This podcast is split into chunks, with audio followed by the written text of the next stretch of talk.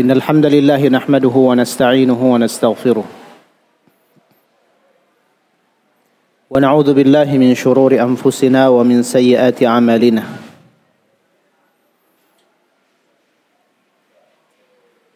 من يهده الله فلا مضل له.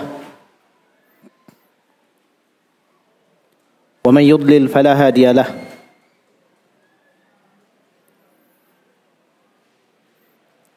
أشهد أن لا إله إلا الله وحده لا شريك له.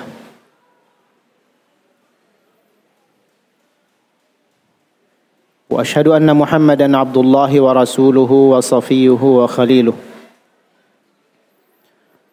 بلغ الرسالة وأدى الأمانة ونصح الأمة وجاهد في الله حق جهاده.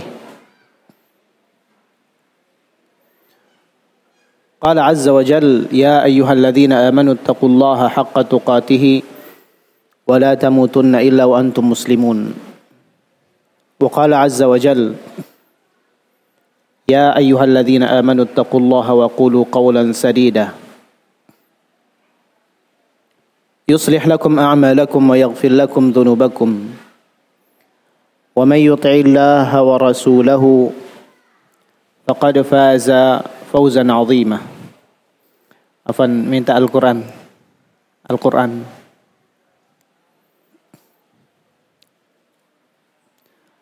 أما بعد فإن خير الكلام كلام الله وأحسن الهدى هدى محمد صلى الله عليه وسلم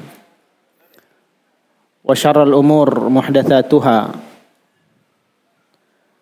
فإن كل بدعة ضلالة وكل ضلالة في النار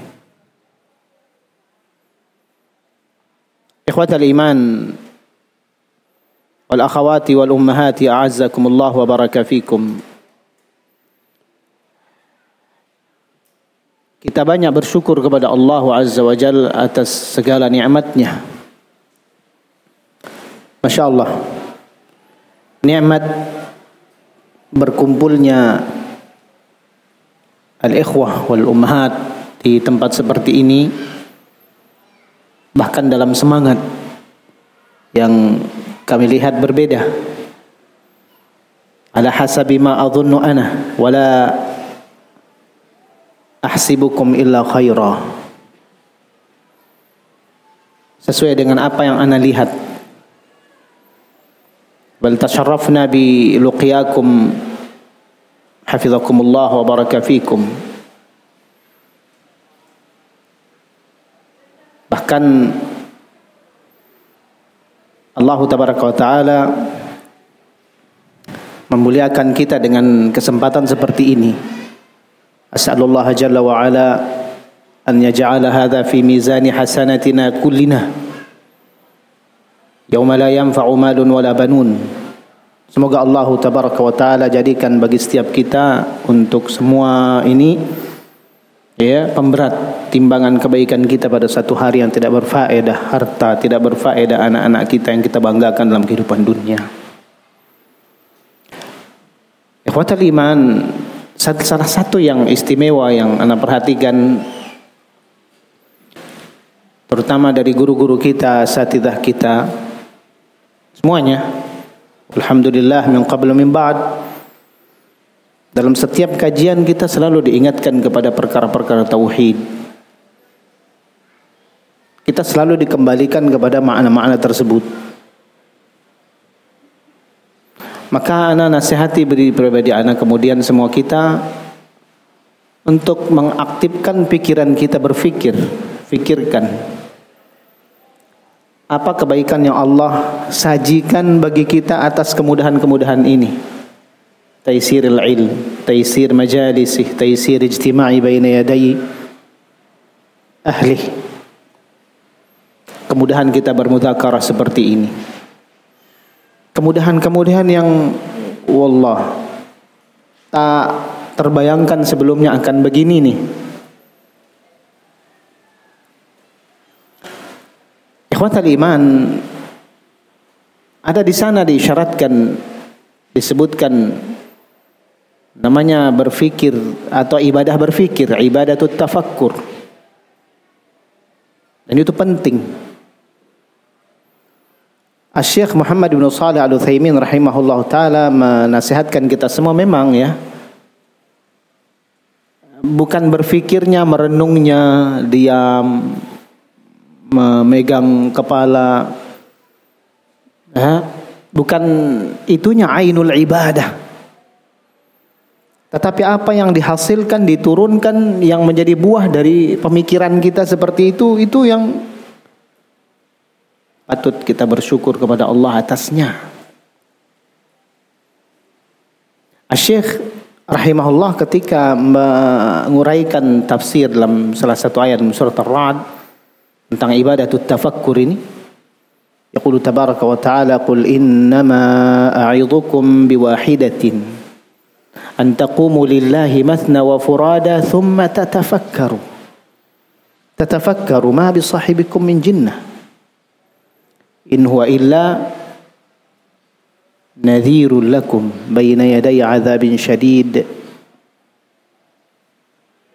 Katakan kepada mereka wahai Muhammad aku aku hanya ingin memberikan satu wejangan saja satu saja. Satu saja biwahidah bahwa kalian harusnya menegakkan segala peribadatan takarrub kepada Allah untuknya saja tidak untuk yang lain lillah furada, masna.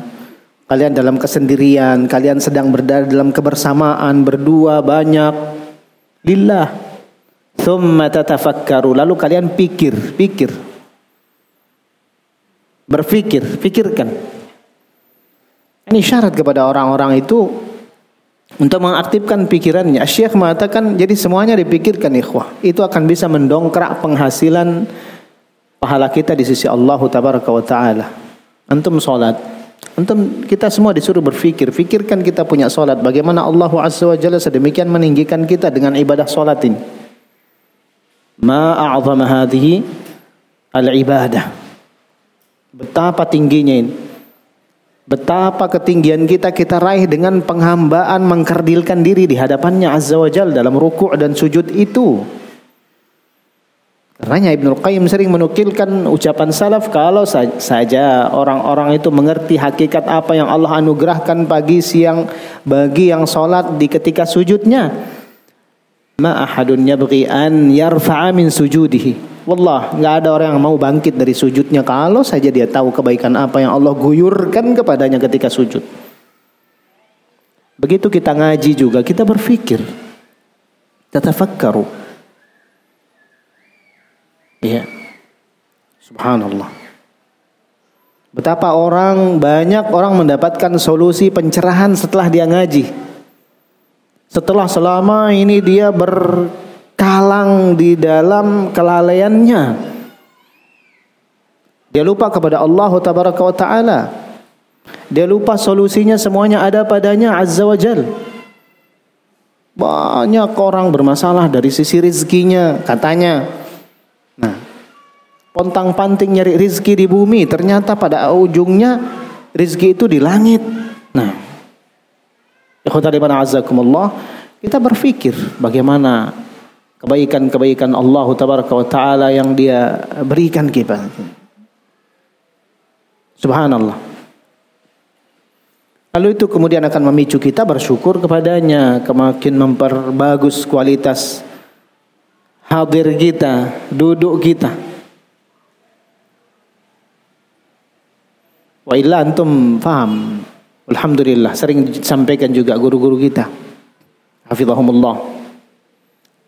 Kebaikan itu tidak hanya dengan hadir dan duduk, lakin hatinya juga hadir. Liman alqas sam'a wa huwa syahid, dipinjamkan pendengarannya. Lalu kemudian hatinya hadir. Ikhwatal iman azzakumullah. Ini bab ilmu ya, besar. Adalah sesuatu yang kita maklumi termasuk kemurahan Allah, maha dermanya Allah Azza wa Jalla, dia menetapkan upah surga, upah besarnya yang bernama surga, rahmatnya, ridhonya, bahkan dia menetapkannya ada pada amalan-amalan yang ringan. Hal-hal yang kecil, sesuatu yang barangkali sebagian kita pandang enteng. Lakin kata Allah laha au fiha ajra jannatihi alladhi arduha wal ard. Tetapi pada hal yang sebagian kita pandang ringan ini Allah tetapkan ada surganya di situ yang seluas langit-langit dan bumi itu. Karenanya tidak boleh meremehkan perkara yang ringan. Yaqulu Nabi SAW kama fi hadis hadis Abi Dzarrin, la tahqiranna minal ma'rufi syai'an. Walau an talqa akhaka biwajhin talq. Ma'ruf. Ma'ruf, perkara kebaikan. Sekecil apa pun. Ma ya'rifuhu kullu dhi lubbin. Wala yunkiruhu ahlu fadlin. Ma'ruf itu adalah apa yang orang Arab katakan segala yang tidak diingkari oleh yang memiliki akal, oh, yang diketahui sama pemilik akal dan tidak diingkari oleh orang-orang memiliki keutamaan. Ada ma'ruf. Hal kecil sekali. Gimana lagi majelis ilmu? Antum berandil untuk ilmu atau hal-hal yang membangkitkan ilmu. Sesuatu yang paling dibanggakan Nabi SAW untuk diwariskan kepada para penerusnya ilmu. Bukan apa? Bukan. Ilmu. Lidzalika yaqulu Nabi muftakhiran bihi faman akhadahu faqad akhadha bihadhin wafir. Wafir azim. Yang mengambil bagian di sini banyak sekali diambil sudah. Ikhwatal iman azzakumullah. Idan hadha subhanallah. نسأل الله تبارك وتعالى أن يعيننا على ذلك وأن يرزقنا علما نافعا وأن ينفعنا بما علمنا ونعوذ بالله من قلب أو من علم لا ينفع ومن قلب لا يخشع ومن نفس لا تشبع ومن دعوة لا يسمع Kita minta kepada Allah perlindungan jangan mendapatkan ilmu yang tidak bermanfaat, tidak ada nafa padanya. Hati yang tidak pernah bisa khusyuk, jiwa-jiwa yang tidak pernah merasa puas. Doa-doa yang tak terdengar alias tidak terijabah. Karena masalah-masalah yang ada dalam pelaksanaannya. Ikhwatal iman apa yang disebutkan oleh pengurus hafizakumullah wa baraka fikum memetik pelajaran dari kisah Asiyah bintu Muzahim ini yang eh, sebagian ikhwah sarankan untuk kita baca. Innama hiya naqbah atau naktah. Hanya berapa poin-poin dari mawaqif yang terjadi pada diri beliau alaihi assalam ya. Asiyah bintu Muzahim terkenal dengan Imra'atu Fir'aun. Imra'atu Fir'aun, istrinya Fir'aun, raja dari raja-raja Mesir yang kita kenal. Nah, wa Imra'atu Fir'aun Asiyah bintu Muzahim singkat ceritanya yang kita maklumi bersama dia seorang yang memberikan jalan untuk Nabi Allah Musa ya berada di kerajaannya Firaun tersebut selamat dari apa yang ya ditetapkan dari keputusannya untuk dia menyembelih setiap putra-putra yang terlahir. Ketika kita melihat literatur untuk Pembahasan seperti ini banyak-banyak para ulama di dalam tafsirul Quran juga Al-Imam Ibnu Katsir banyak menyebutkan di sana gandengan dengan kisah panjang Nabiullah Musa alaihissalam. Juga bahkan ibunya Ummu Musa terkait semuanya. Namun ikhwatal iman penyebutan tentang Asia bintu Muzahim yang dia lebih terkenal dengan istri Fir'aun. Nah, sebagaimana disebutkan dalam ayat wa qalat imra'atu fir'aun qurratu 'ainin li walak. La taqtuluhu asa an yanfa'ana aw nattakhidahu walada. Wahum la yash'urun Al-Qasas ayat 3 tersebut. Ketika dia alaihissalam mengambil memungut anak yang ada di dalam tabut di kotak tersebut atau sesuatu yang dibuat dari eh, kayu untuk menyelamatkan anaknya yakni Ummu Musa. Dalam rangka menyelamatkan anaknya Allah tabaraka wa taala berikan dia ilham ya karena memang tidak ada nabi dari kalangan wanita. Maka walaupun ayatnya berbunyi fa'auha ila ummi Musa an ardi'ih fa khifti fa'alqihi fil yammi wa la takhafi wa la tahzani inna naradduhu ilayki wa ja'iluhu minal mursalin Walaupun ayatnya berbunyi kami wahyukan kepadanya, yakni Ummi Musa, Ummu Musa, untuk tenang saja, susui saja.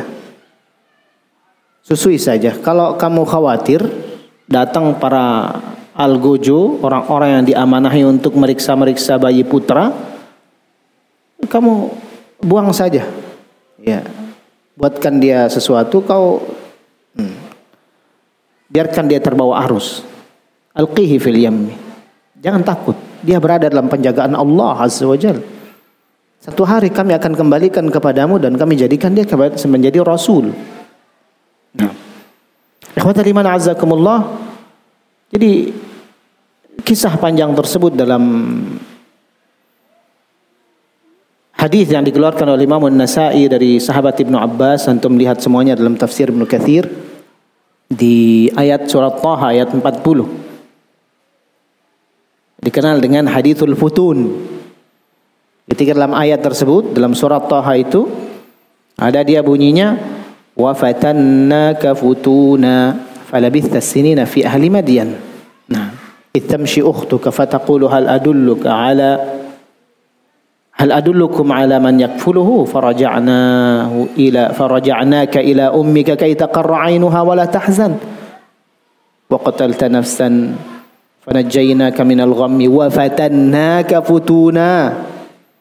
Kami uji kalian engkau kemudian dengan fitnah-fitnah hujan-hujan yang banyak. Hadithul futun disebutkan di situ panjang hadisnya oleh Ibnu Abbas radhiyallahu an.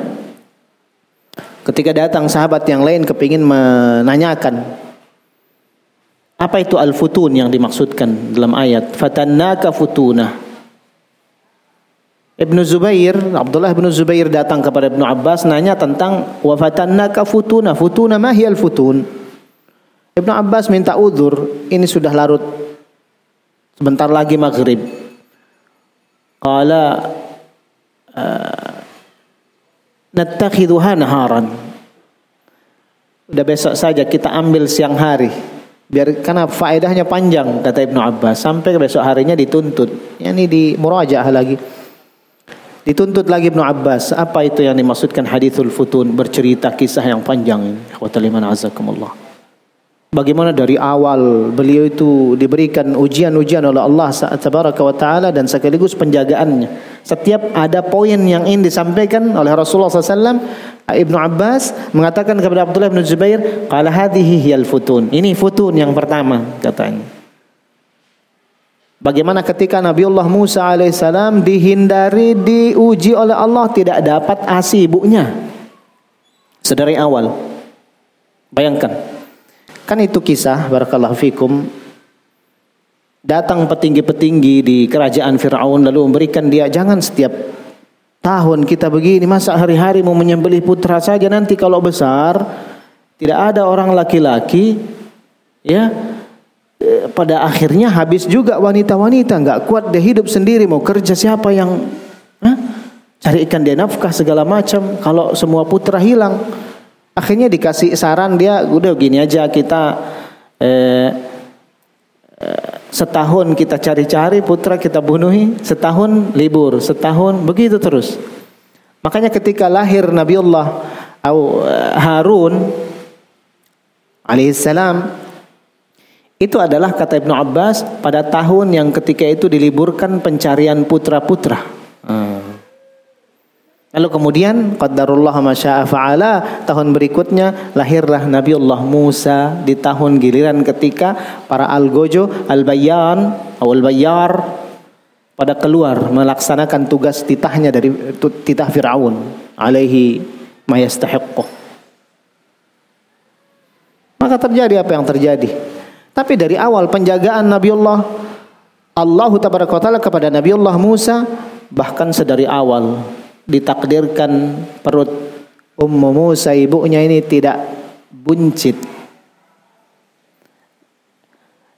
Lam tadhhar lahu dhalik. Tidak nampak kalau dia sedang hamil besar. Sehingga tidak ada yang tahu. Tapi ya terendus juga kabar kalau dia mau melahirkan sampai wanita-wanita Qibti, yakni orang-orang dalaman kerajaan yang diamanahi untuk menjadi bidan-bidan setiap yang lahiran.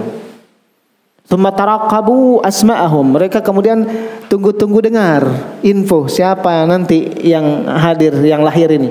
Kalau nama laki-laki dipanggil para penyembelih. Kalau perempuan ya truknaha dibiarkan dia.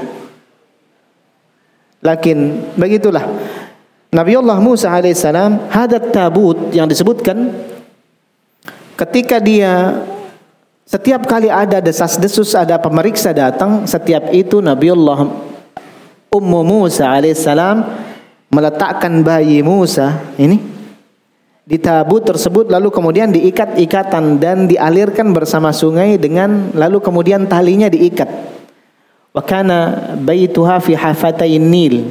Adalah ketika itu memang rumahnya Ummu Musa di pesisir pinggir-pinggiran sungai Nil di Mesir.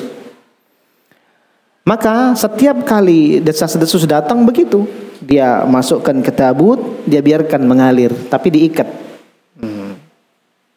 qaddarullah wa ma fa'al pada hari yang dahsyat tersebut datang dia masukkan ke tabut saking gegernya lupa dia mengikat tali. Fa dhahaba bihi ma dhahab maka aliran sungai membawanya ke mana dia dibawa? Makanya diperintahkan kepada putrinya kakaknya Nabi Allah Musa. Nah, ini yang dimaksudkan imro'ah. Yang satunya ketika dia sama Ummu Musa diperintahkan qussihi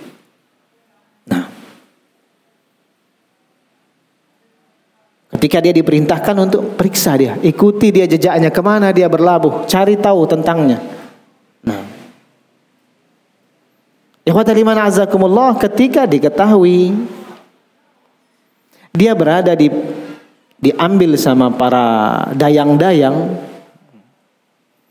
dayang-dayang ini membawanya ke dalam kerajaan untuk diberikan kepada Imra'atu Fir'aun Asia bintu Muzahim di situ terjadi juga penjagaan Allah. Biasanya mereka serabutan saja diambil, diperiksa setiap apa yang mau. Tapi kali ini sebagian mereka melihat sepertinya ada harta di sini, ada harta benda, ada uang, ada sesuatu yang berharga. Kalau kita yang buka, nanti istri raja nggak percaya sama kita. Nanti kita akan dituduh ngambil sebagian. Akhirnya mereka bersepakat membiarkan tabut tersebut seperti bentuknya diangkat ke Imra'atul uh, Fir'aun. Dibawa kepadanya Lalu kemudian dibukalah sama imra'atu Fir'aun, Asia. Wa hadhihi nuqtah al-awwal. Di situ kejadian pertama kali pintu-pintu hidayah itu masuk ke relung hati seorang Asia bintu Muzahim wanita terbaik empat hmm. di atau salah satu dari empat wanita terbaik di muka bumi kama qala Nabi sallallahu alaihi wasallam. Nah, ketika di di diperiksanya itu ya ketikanya di, di diperiksa itu bayi dilihatlah dia. Nah, fa'alqathul hubba fi qalbiha syaghafa. Terlemparkanlah cinta dan kasih di hati Asiyah bintu Muzahim pertama kali melihat sosok Musa bayi Musa alaihi salam.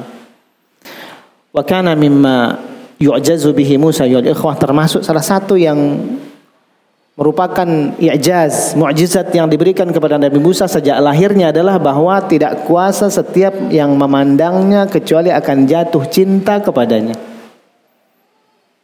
وهذا مصداق قوله جل وعلا في سورة طه وألقيت عليك محبة مني Alqaitu alaika mahabbatan minni. Kucampakkan cinta dariku untukmu wahai Musa. Yani madza? Yata'athar biman yarahu wa yanzuru ilaih. Setiap yang meliriknya akan terkesima. Hada Musa. Jangankan ibunya, oh ibunya. Bahkan semua orang terjadi seperti itu. Makanya nanti kita dengar kisahnya. Ala kulihal di sini pertama kali kebaikan itu terjadi ketika jatuh hati Asyah bintu Muzahim dan dia kebetulan dalam kisah-kisah yang lain dalam hadis An-Nasa'i yang panjang tersebut disebutkan memang dia punya putra tetapi putranya memiliki penyakit kelainan kila baras wa qila ghairuha minal asqam. Ada yang mengatakan penyakit kulit tidak senang dilihat dan sebagainya. Ada yang mengatakan yang lainnya jinnah semacam autis atau apa begitu. Maka ketika melihat sosok bayi putra lagi seperti ini gagahnya bagusnya oh nah.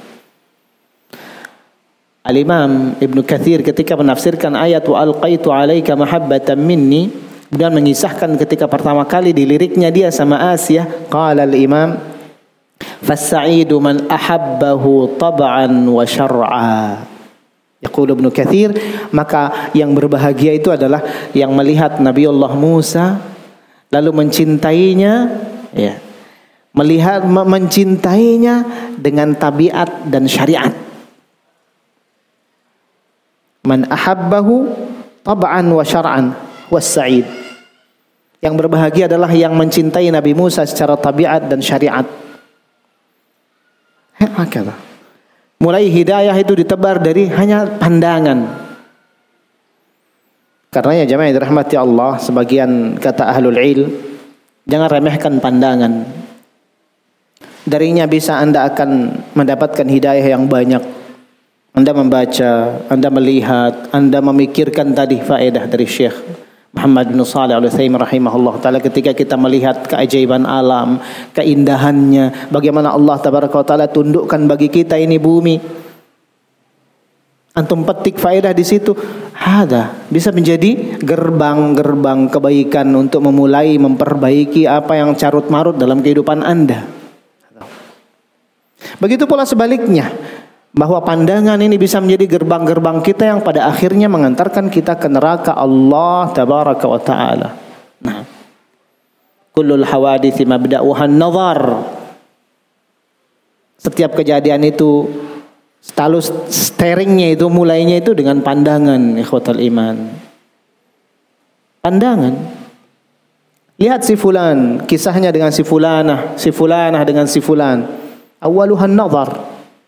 Fabtisam, fal kalam, faliqa, famaw'id. Lalu ada senyum. Hmm? Lalu berani ucapkan salam atau sampaikan salam lalu lalu lalu lalu lalu liqaat ketemuan. Hmm. Ketemuan, bahaya pojokan nanti. Wa kam min madakala syair betapa banyak penduduk neraka. Ha? Min mustasghari syarar. Dari kalangan mereka-mereka yang menganggap enteng hal-hal yang keburukan. Menganggap enteng keburukan. Oh, sedikit. Cuman pandangan. Lakin hakada. Maka demikian pula ya kita kembali kepada kisah bagaimana Asia jatuh hatinya kala pertama kali dia melihat Nabiullah Musa. Nah. Yaqulu tabaraka wa ta'ala dalam petikan kisah tersebut dalam surah Al-Qasas di antaranya ayat yang ke-9 nah atau dari delapannya wa auhayna ila ummi Musa an ardi'i. Nah. kami wahyukan kepada ummi Musa untuk disusui saja tenang tadi. Kalau takut alqihi fil yam Lemparkan dia ke sungai, jangan takut, jangan sedih. Kami akan balikkan dia satu saat nanti. Bahkan kami jadikan dia berjanji menjadikannya rasul. Nah, faltaqatahu alu fir'aun liyakuna aduwan lahum aduwa wa hazana. Akhirnya diambil. Jatuh di tangan keluarga Fir'aun untuk berakibat kelaknya menjadi musuh bagi Fir'aun dan pembuka kesedihan baginya. Baginya tapi tidak kepada Asia yang beriman. Maka di sini ikhwatal iman azzakumullah ada kebaikan di hadapan mata, ada hidayah, ada ilham, ada ada kebaikan. Maka nilai kita terhadap hal tersebut pandangan kita kepadanya.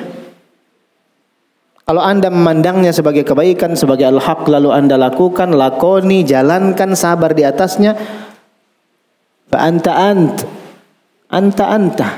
Engkaulah pengusung kebenaran itu.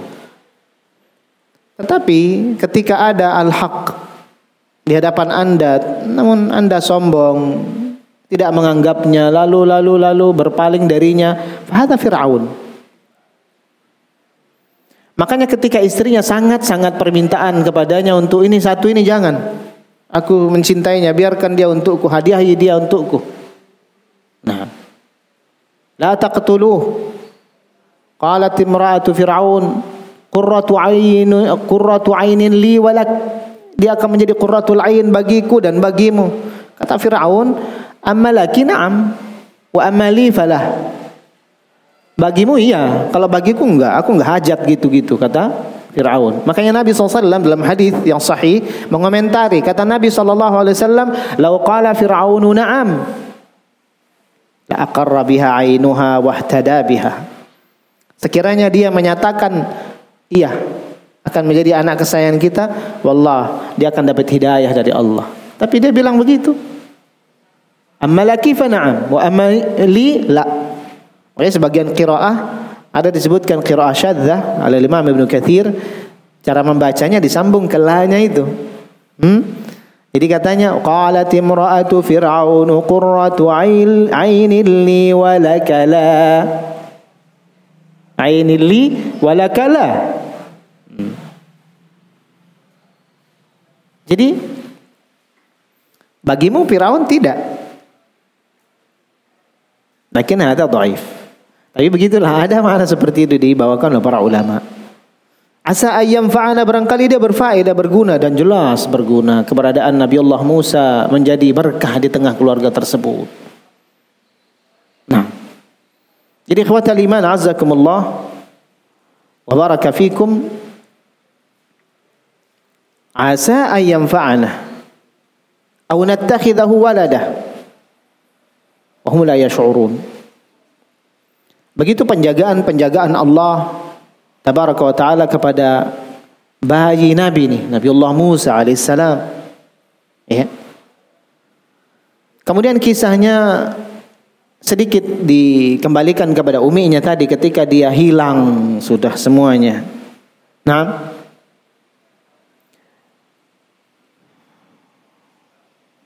ketika beliau telah mengetahui dari putrinya yang satu ketika diperintah ikuti jejaknya karena pergi ke mana dia berlabuh terus pantau kabarnya. Bayin pada akhirnya ditemukan dia diambil sama kerajaan. Nah wa asbaha fuadu ummi Musa farigha setelah tahu kabar tersebut maka jadilah hati ummu Musa kosong. Lengang, farig. Ada dua penafsiran para ulama. Qala ba'du ahli al-ilm farighan min kulli syai' illa min Musa. Kosong. Tidak ada yang dia ingat kecuali anaknya, putranya Musa. Ada qaul. Maksudnya begitu kecintaan yang dalam anaknya sekali lagi. Apalagi Nabi Allah Musa diberikan kelebihan yang antum dengar. Wa alqaitu alaika mahabbatan minni. Walitusna'a ala aini. Jadi ikhwatal iman azakumullah. Farid. Terngiang putranya saja, putranya saja. Ada qaul. Wal qaulul akhar bahwa wahada huwa ini yang dikuatkan oleh para ulama ahli tafsir farighan min kulli syai' illa min Allah kosong semuanya kecuali dia hanya mengingat Allah tabaraka taala. Jangan lupa dari awal Asiyah bintu Muzahim telah membersamai Allah tabaraka taala dalam setiap masalahnya. Antum lihat dari awal kali. Kenapa dia mau melakukan semua itu? Fa'auha ila ummi Musa. Diberikan wahyu oleh Allah Azza wa Jalla, yakni ilham. Dan sekali lagi faedahnya kata Syekh Saleh tidak ada nabi perempuan. Artinya ini faedah besar bagaimana seorang ibu terutama sesuai dengan kisah dan bapak pada umumnya semua kita agar membersamakan Allah Jalla wa ala dalam setiap kita punya masalah. Apa sih yang besar kalau antum curhat kepada Allah tabaraka wa taala? Idan tidak ada sesuatu yang besar ketika Anda melayangkan menggantungkan masalah kepada Al-Akbar. Apa saja? Masalah keuangan kita punya Al-Akbar. Kita bilang Allahu Akbar. Hal hunaka syai'un akbar min Allah? Ada sesuatu yang lebih layak untuk membuat Anda pesimis, membuat Anda retak hancur hati daripada Allah? yakni kehilangan Allah tabaraka wa taala.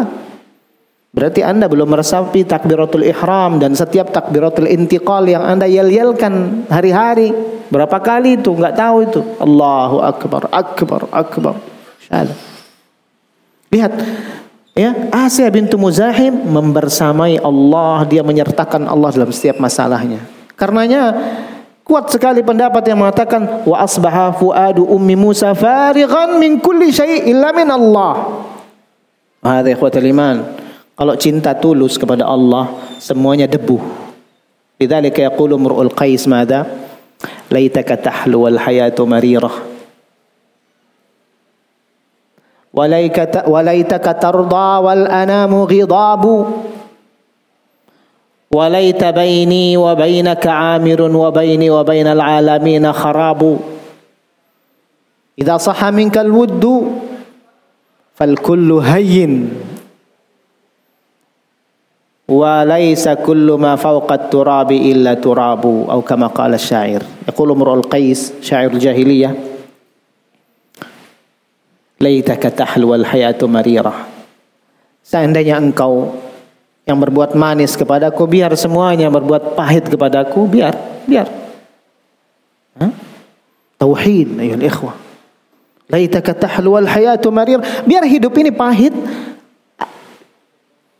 Walau hanya eh, ketika engkau ya Allah yang berbuat manis kepadaku, biar hidup ini pahit semua, biar tidak akan terasa. Laitaka tarda wal anamu ghidabu ya Allah seandainya engkau yang ridha biar semua manusia benci kepadaku. Aduhai sekiranya antaraku dan antara dirimu makmur, makmur terjahubu terjalin jaringan hubungan yang kuat. Aduhai seandainya begitu. Walaita baini wa bainal alamina kharabu. Biar hubunganku dengan alam semesta ini hancur lebur. Enggak masalah enggak masalah. Idza sahha minkal wuddu fal kullu hayyin. Wa kullama fawq. Walaysa kullu ma fawqa turabi illa turabu kalau jujur betul cintamu, idza sahha minkal wuddu, maka semuanya akan ringan. Pandangan manusia, komen, nilai mereka ada kusyur, itu kulit itu. Antum akan terobati dengan ma'indakum yanfad wa ma'indallahi baqa. Apa yang ada di sisi manusia itu berumur, sementara apa yang ada di sisi Allah itu langgeng abadi adanya. Apa yang bisa dilakukan makhluk ketika anakku dalam perlindungan Allah? Apa? Tidak ada semuanya. Antum akan pandang semuanya remeh. Ketika kita diberikan taufik kepada jujurnya cinta dan bertengger tawakal hanya kepada Allah tabaraka wa taala. Lihat Ummu Musa asbaha fuadu ummi Musa farigha. Fahada ya pertama kali mengantarkan kita kemudian berikutnya ya faedah apa itu bahwa di sinilah sumber daripada solve. Solusi jalan keluar itu sumbernya di sini. Hubungan kita dengan Allah tabaraka wa taala. Sejauh mana kita bisa membangun jaringan yang kuat dengannya azza wajal nah. Dan begitu pula sebaliknya. Sumber dari carut marut kehidupan seseorang ketika dia tenggerkan hatinya kepada makhluk-makhluk yang semisalnya atau nah lidzalika yaqulu Yahya bin Muadz la yazali la yazalu dinur rajuli mutamazziqan ma tuhibbu qulubuhum ma ma ma damatil qulubu bidunya muta'alliqah atau kama qala rahimahullah. Yahya bin Muad mengatakan senantiasa agama kita bermasalah, agama kita tercabik-cabik, agama kita terkoyak. Selama terpautnya ketergantungan hati itu kepada cinta dunia atau nah. Dunia itu banyak, bukan uang saja. Anak kita dunia, harta kita dunia, istri kita dunia, semuanya dunia. Nah, maka ikhwatal iman azakumullah hadirkan Allah tabaraka wa taala dalam setiap uraian dari kehidupan kita. Wa ma'na tauhiduna lillahi jalla wa ala. Inilah tauhid. Tauhid, hadha tauhid ayat ikhwah. Jangan sampai kita tergolong orang-orang yang tertipu yang mungkin sebagian memahami tauhid itu hanya dalam pembahasan kitab-kitab tertentu, silsilah syurah, syurah kutub tauhid akmalna kitaban kitabaini thalatha. Kita telah menyelesaikan satu dua kitab. Juzafan begitu lalu kemudian tidak ada asar dalam kehidupan dalam ucapan dalam perbuatan. Lalu sebagian orang yang katanya ngaji hilang motornya ya tidak malu tanya kepada ustadz untuk bertanya ke dukun. Eh sudah sekali saja ini ceritanya dia mau nanya di mana motornya siapa yang mencuri. Ikhwata liman azzakumullah. Idza sahha minkal wuddu fal kullu hayyin. Semua yang ada di atas debu adalah debu. Semuanya. Ikhwata liman. Azakumullah wa baraka fikum. Idan Begitulah ya. Ketika disebutkan dalam ayat itu وقالت لأخته قصيه فبصرت به عن جنب وهم لا يشعرون وحرمنا عليه المراضيع من قبل فقالت هل أدلكم على أهل بيت يكفلونه لكم وهم له ناصحون فرددناه إلى أمه كي تقر عينها ولا تحزن ولتعلم أن وعد الله حق ولكن أكثرهم لا يعلمون Jadi ikhwata iman azzakumullah ya ini kisah ini masih di sisi tentang uminya Nabiullah Musa alaihissalam ukhtinya Nabiullah Musa alaihissalam ketika dia disuruh perintahkan mencari-cari info tentang bayi tersebut. Lalu mawaqif yang butuh kita mengambil ibrah di situ bagaimana kekokohan seorang Asiyah bintu Muzahim walau bagaimanapun pengaruh lingkungan mendera dirinya tapi sedari awal dia percaya itu. Nah, dalam kisah yang panjang itu kan ketika dihadirkan eh, beberapa hari selang hilangnya Nabi Musa dari pangkuan ibunya, tidak lama kemudian dari situ sabarnya um, umiknya Nabi Musa diupah oleh Allah Azza wa Jalla segera dibalikkan. Tidak lama itu kata Ibnu Katsir malabitha yaum wa iyam.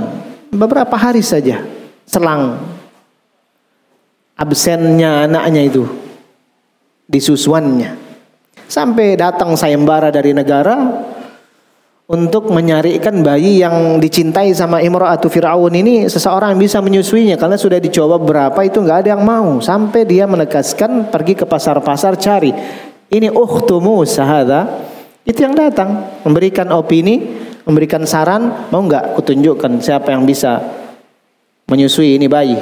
Tadinya curiga dalam hadis Ibnu Abbas tersebut curiga ini eh, Siapa kamu? Kenapa kamu tahu begitu? Apa kelebihanmu? Kamu siapa? Eh, tadinya dicurigai ini, ukhtu Musa. Nah. Ala kulli hal terus kemudian dikasih tahu dia yakfuluhu. Nah, untuk dia kemudian mengambil faedah. Nah, haramna yakfulunahu lakum wahum lahu nasihun. Jadi ini anak nanti akan bisa menyusui tapi juga orangnya bisa mencari pekerjaan yani dia butuh kafalah dari kerajaan. Nah, ini orang-orang miskin, dia butuh cari uang begitu. Itu alasannya makanya diterima. Oh, masuk akal. Ya sudah. Dihadirkan ibunya Musa ke kerajaan dikasih asinya langsung mau. Langsung semeringah. Eh, pemandangan kebahagiaan di muka istri Firaun diikuti kemudian semua dayang-dayang menjadi kebahagiaan. Sampai diminta ini perempuan kau kau diam saja di istana. Kau akan kugaji untuk menyusui. Oh tidak bisa. Saya punya anak-anak saya punya suami saya punya keluarga di rumah yang saya tidak bisa tinggalkan kalau engkau berkehendak mengizinkan biar saya bawa bayinya kita saya mau susui dia di rumah Tentu dengan penjagaanmu. Ini jelas. Oh, dikasih. Berjalan waktu tersebut sampai pada cerita akhirnya ini ini cerita tentang kesabaran Ummu Musa dan thiqahnya kepada Allah tabaraka taala bahwa Allah satu sehari akan kembalikan putranya bahkan dijadikan rasul. Hmm. Walaupun sempat surat bihi an junubin wahum la yash'urun kosong pandangannya dilihat sesuatu itu jauh padahal hal ini datang. Maksudnya ketika disayembarakan ini bayi di pasar-pasar dia belum mengetahui kalau itu putranya Musa. Dia juga nggak tahu namanya Musa. Musa kalau Ibnu Kathir itu salah satu nama yang diberikan oleh Asiyah bintu Muzahim. Musa itu bahasa-bahasa orang lama. Mu qala nahar. Artinya sungai. Sya bishin. Musya sya syajarah. Ini maksudnya karena ini anak ditemukan di rawa di sungai yang ada pohon-pohonnya. Kan? Dia makan dia dengan Musa oleh Asya bintu Muzahim ala maqal. Nah makanya uminya nggak tahu kalau itu putranya. Nah, ketika Fabal surat bihi anjunub kosong pandangan dilihat sesuatu itu jauh padahal halnya hal itu mendatanginya mendekatinya. Hmm. Hum la yash'urun. Dan mereka semua nggak sadar kalau ternyata itu ibu kandungnya. Orang-orang nggak sadar. Asia bintu Muzahim juga tidak sadar. Sampai akhir cerita lalu kemudian datang ke kerajaan setelah selesai penyusuan, Allah alam tidak disebutkan berapa waktu, dua tahun kah atau apakah waktunya dikembalikan Musa ini. Dan sekali lagi seorang ibu itu mana bisa lepas dari bayinya? Dua tahun, tiga tahun tetap saja anak kecilku.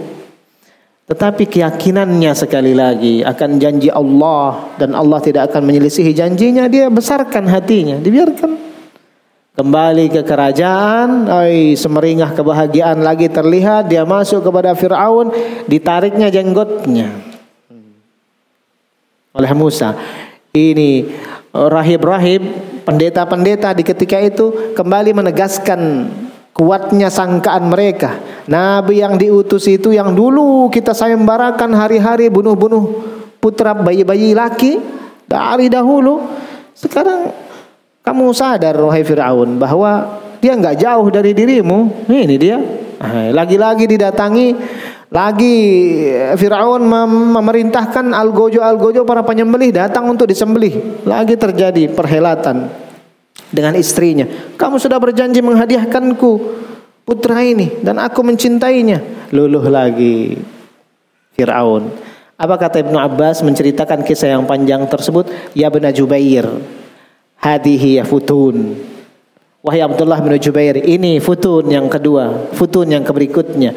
Wa fatannaka futuna, kami fitnah, kami uji Musa dengan ujian-ujian yang banyak. Ini berikut ini, ini ujian yang berikutnya wahai Abdullah bin Jubair kata Ibnu Abbas. Dan di sini juga lagi-lagi seorang Asiyah bintu Muzahim dengannya Allah tabaraka taala jaga nubuah. Ada hmm. Kasih sayangnya dimainkan. Karena dia percaya juga memang. Beriman. Bahwa ini putra yang diasuh ini Nabiun min anbiya ibani Israel. Nabi dari nabi-nabi. Dan dia beriman dengannya. Karena ya ikhwatal iman azzakumullah sabar di dalam ujian yang berkecamuk itu dahsyat. Ini salah satu sisi kenapa dia dilebahkan, dikategorikan wanita-wanita sempurna di dunia. Laqad kamula minan nisa'i fid dunya arba' telah sempurna wanita-wanita di dunia ini empat orang. Mudzakkaran nabiyyu minha Asiyah bintu Muzahim imra'atu Fir'aun. Rasul SAW menyebutkan salah satunya Asia, istrinya Fir'aun. Kamula. Sempurna. Jadi ikhwatal iman azakumullah, kesempurnaan itu ada pada sabarnya kita menahan ujian ikhwatal iman. Karenanya dalam pembahasan usul thalatha dan yang lainnya, eh, sabar ini nggak bisa dilepas. Sabar, sabar. Kita meyakini ini bukan per perkara pertama, kita bukan orang satu-satunya yang rasakan. Kita juga bukan orang pertama. Nah, laqad sabakat telah terdahulu kalimat-kalimat Allah atas orang-orang. Dan itu hendaknya membuat kita berlapang dada dan ber, berupaya sabar dan tangguh. Karena bukan Anda sendiri yang merasakan, semua juga ada ujian walaupun beda-beda. Kadang ada ujian datang dari anaknya, ada datang dari uminya, ada datang dari abinya, suaminya, istri. Wah, nas. Mubtala. Semua kita diciptakan untuk ini. Mubtala, kulluna mubtala, kullun mubtala. Mau kita diuji. Kadar aja beda, macam-macam aja beda. Lidzalika kewajiban sabar itu ada terus. Dan kita menjadi hamba Allah dalam semua keadaan ikhwatal iman. Semua keadaan. Dia menjadi orang-orang yang menjadi budak Allah, beribadah kepada Allah di tepi-tepi jurang saja. Ya, ini di tepi bibirnya saja dia beribadah. Ketika senang baru dia beribadah kepada Allah. Dalam keadaan sedih teruji dia lepaskan penghambaannya. Wahada orang yang tidak masuk Islam saya sempurna, tidak memberikan penghambaan yang sempurna. Ini penghambaan-penghambaan yang terbatas ruang, terbatas waktu, terbatas keadaan. Hah? Iman, kita ini bukan orang yang beribadah di masjid saja. Islam agama yang syumul, kamil, syamil. Antum kira di pasar nggak ada keutamaan walau bagaimanapun Nabi mengatakan menobatkan tempat terburuk di muka bumi. Ada di pasar kebaikan. Hadis Abdullah bin Abbas, ja'a min hadis Abi Hurairah, rahimallahu mura'an samhan idza ba'a samhan idza ishtara samhan idza iqtada. Allah memberikan rahmatnya kepada mereka para pedagang itu yang loyal dalam memberikan barangnya. Lebih-lebih seoleh, enggak apa-apa. Pembeli juga yang loyal dalam membayar. Ada kembaliannya seribu, dua ribu, lima ribu. Eh, biar. Samhan idha ishtara. Begitu pula yang membayar hutangnya baik dia. Tepat waktunya. Tidak ditangguh-tangguhkan. Allah berikan dia rahmat. Ini umumnya ditemukan di pasar-pasar. Bukan di masjid. Barakallah fikum. Ikhwatal iman. Ibadah itu tidak terbatas di surau, di masjid dan sebagainya.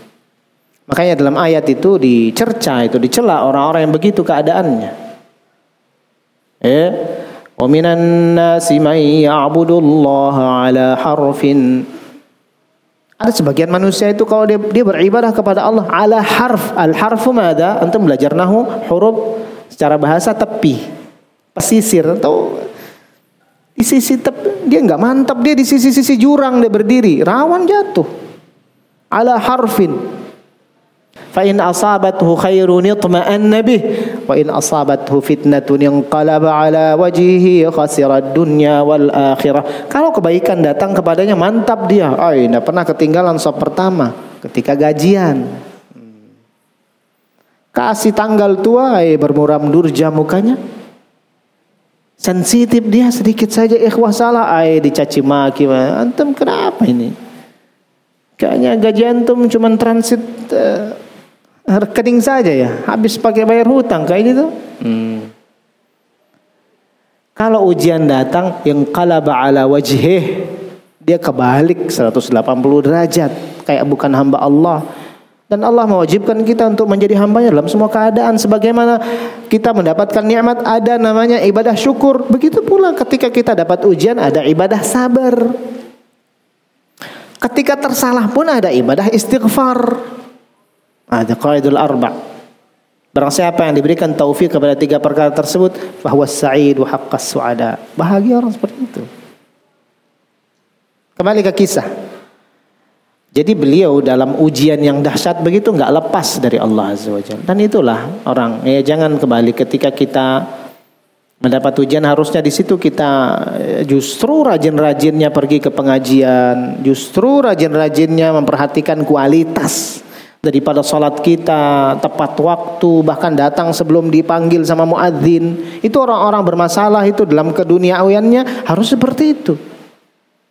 Nah, kalau orang-orang jahiliyah saja seperti itu, gimana kita tidak?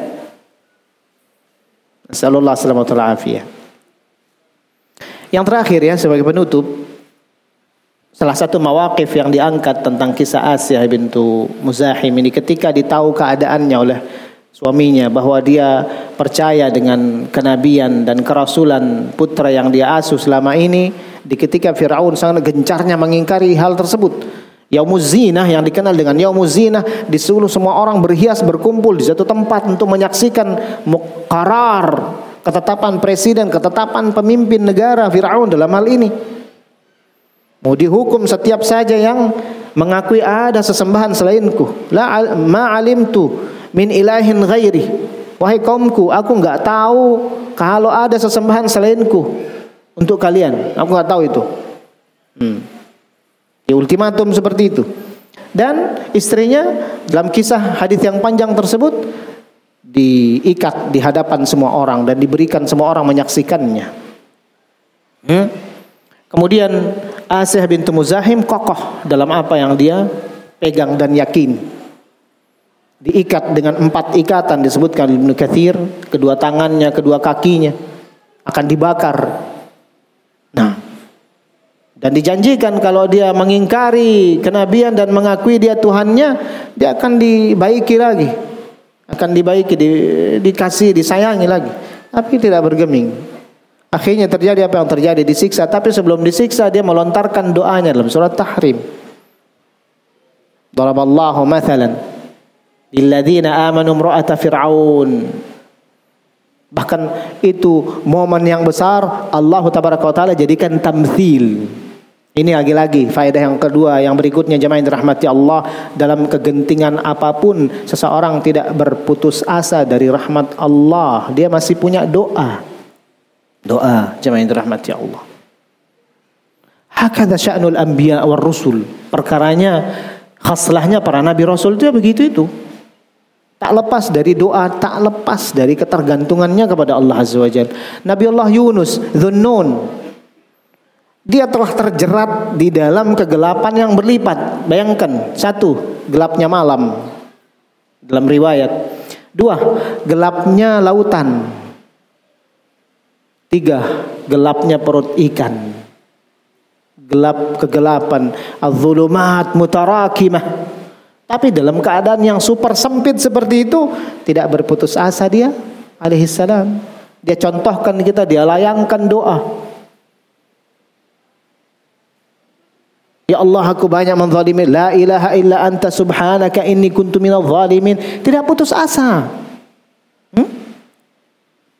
Maka bagaimana keadaan sebagian kita nasallallahu selamat afiyah baru sedikit saja sentilan masalah dia sudah angkat tangan dari jalur hidayah Allah Jalla wa ala. Ayya betul ini bahaya ikut begini-begini. Hmm? Apa tadi Ustaz contohkan antum? fitnah Wahabi apa segala macam. Uthbut. Uthbut Uhud. Hmm. Gunung aja disuruh kokoh. Nah, minta kekokohan kepada Allah. Tidak putus asa, walau bagaimanapun sempit seseorang. Ini Asiyah bintu Muzahim, dalam pada itu dia meyal-yalkan, dia lantangkan doanya, Rabbi li indaka baitan fil jannah. Yakhtarud dar. Hmm? Yakhtarul jar qabla dar. Kata para ulama. Perhatikan dahsyatnya permintaan beliau alaihassalam. Ya Allah bangunkanlah aku rumah di surga. Ada muqabil, ingat dia ini orang mewah, orang nggak pernah merasakan kemelaratan hidup. Imra'atu Fir'aun, cukup. Namanya aja nggak dikenal dalam sejarah, kecuali dalam uh, riwayat-riwayat yang dalam. Wa illa semua orang tahu dia Imra'atu Fir'aun. Ayat-ayat juga sebut dia Imra'atu Fir'aun, istri Fir'aun. Tidak ada ayat menyebutnya Asia bintu Muzahim. Lah, itu. Hadis juga banyak-banyak menyebutnya imra'atu Firaun mengesankan kepada Anda dia itu permaisuri. Tapi semua itu nggak ada. Tidak ada dalam obsesi dia. Terbukti ketika dia mau menghadap Allah tabaraka wa taala dia minta bangunan di surga. Rabbi binili indaka baitan fil jannah. Bangunkan aku surga. Najini min fir'aun. Selamatkan aku darinya dari fitnahnya maksudnya wa amalihi dari amalannya. Dan itu kematian yang akan menyelamatkan. Terbebas dari fitnah dunia. Maksudnya kalau ter terbebas dari dunia lalu kita akan mewah itu itu mumtani'. Uzur sudah untuk keberlakuannya di manusia karena kita di sini di negeri ujian memang. Kalau antum menginginkan mulus dalam semua perjalanan dakwah, perjalanan ibadah, perjalanan nah, itu mustahil. Mustahil. Bahkan ujian itu berbanding lurus dengan kekuatan kita memijaki ajaran. Asyaddun nasi bala'an al-anbiya thumma al-amsalu fal-amsal. Hadis. Yang terdahsyat itu para nabi. Kenapa mereka? Mereka yang paling kuat di atas koridor. Lalu siapa? Yang paling kuat mengikuti jejak mereka. Lalu siapa? Yang berikutnya. Al-amsal thumma al-amsal. Kullama amsal ta'ala ittiba'ir rasuli fi sunnatihi kullama qawiyat al-hujum wal fitan 'alaika. Setiap kali anda kuat memijaki sunnah Nabi setiap itu pula janji Allah akan datang ujian. Ujian. Jadi akhwat iman azakumullah ada sabiq fi ilmillah. Ini sudah berlalu dari ilmu Allah tabaraka wa taala sehingga seorang harusnya bersiap untuk itu. Bukan angkat kaki dari kebaikan yang Allah telah hibahkan kepada dirinya. Bukan yang terakhir doa itu tadi doa, doa. Doa tidak diremehkan. Hadas silahul mu'min. Walaupun hadisnya dhaif tapi maknanya benar. Lidzalika sahha Nabi sallallahu alaihi ikhwah a'jazun nas man 'ajiza 'anid du'a. Man 'ajaza 'anid du'a. Manusia yang terlemah itu adalah yang lemah dalam berdoa. Ada hadis sahih. Apa coba? Apa yang bisa dilakukan oleh orang yang cuma ngangkat tangan berdoa curhat kepada Allah saja dia nggak mampu. Solusi apa yang antum harapkan? Maaf ya, dari suami seperti itu, dari kakak yang seperti itu, dari bapak yang seperti itu, dari ibu yang seperti itu, dari saudara yang begitu. Solusi apa yang kita harapkan? Aksi apa yang mau ditunggu dari orang yang hanya menengadahkan tangan kepada Allah, curhat kepada Allah saja dia nggak mampu a'jazun nas. Man ajaza 'anid du'a. Ikhwatal iman. Naam? Wa illa doa itu ibadah. Ad-du'a ibadah. Kita terobsesi karena ibadahnya mau dikabul kita punya permintaan tidak dikabul belum dikabul kita berdoa. Sebagaimana kata Umar bin Khattab Allah hammad du'a la hamma istijabah. Aku berdoa kepada Allah karena obsesi doanya bukan obsesi mau dikabul apa yang aku minta, bukan. Ini doanya itu. Nah, ada. Jadi khawata liman azakumullah dan ngaji tauhid, tauhid dan seterusnya. Faedah dari Syekh Saleh Al Syekh dalam salah satu syarah Al-Aqidah Tahawiyah beliau mengatakan di sini salah satu wahana kita menilai kita punya akidah kuat apa enggak. Dari sisi ketergantungan kita, kuat atau lemahnya kita dalam berdoa. Karena kita ditipu sama setan, kadang gurur dengan usaha-usaha yang kita lakukan, upaya-upaya uh, ikhtiar-ikhtiar duniawiyah itu terkadang menyebabkan kita lalai dari pokoknya. Padahal ikhtiar ini nomor dua. Kita berdoa, kita menghidupkan malam kita, menyemarakkan, memakmurkannya dengan masalah hari-hari kita. Sejauh mana kita menghadirkan masalah-masalah, problem-problem rumah tangga, semuanya besarnya, kecilnya, kita gelar di sujud-sujud rukuk kita. Itu Nah, antum dengar sering diceritakan sama guru-guru kita salaf. Nah, hatta syisa asabana alai ahadihim ya Allah. Mereka itu sampai tali sendal mereka. Satu putus itu curhatnya ke Allah tabaraka wa taala. Akhiran sebagai penutup. Yaqulu Al-Makudi Al-Maghribi rahimahullahu taala dalam syairnya. Nam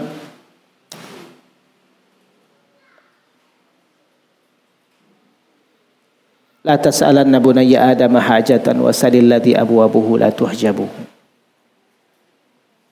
Allah yaghdabu in tarakta su'alahu wa bunayya Adam hina yus'alu yaghdabu. Jangan minta kepada Banu Adam hajat-hajatmu jangan. Tapi mintalah kepada zat yang hijabnya tak pernah tertutupi darimu. Allah Azza wa Jal dia akan murka kalau kau meninggalkan meminta kepadanya. Tetapi justru Banu Adam nanti marahnya itu kalau kau minta kepada mereka. Juga beliau mengatakan ketika dunia telah sempit di dadaku, telah menghimpitku sehingga dadaku sesak. Nah, qumtu billahi maqama mutadarri'in. Aku berdiri di hadapan Allah dengan tadarru bersimpuh. Nah. Wa qultu ilahi innani laka qasidu wa aku mengatakan ilahi kepadamu aku maksudkan segala mengangkat segala masalahku. ولست تراني واقفا أمام بيت يقول فتاه سيد اليوم راقد dan kau ya Allah tidak akan mendapatiku untuk berdiri di depan pintu orang-orang yang pembantunya bilang kepadaku bos lagi tidur tuanku lagi tidur atau kalau berdiri di hadapan manusia pintu-pintu manusia nanti pembantunya keluar maaf tuanku lagi tidur pergi antum astatarani waqifan amama baitin yaqulu fatahu sayyidil yawma raqidu Engkau tidak akan mendapatiku untuk berdiri di hadapan pintu rumah-rumah yang nanti ya pembantunya bilang kepadaku atasanku lagi tidur. Lakin kita kepada Allah zat yang tidak tidur. La ta'khudhuhu sinatun wala naum. Naqif huna ya ikhwah. Nasallallahu tabaraka wa taala an yanfa'ana bima nasma'u wa naqul.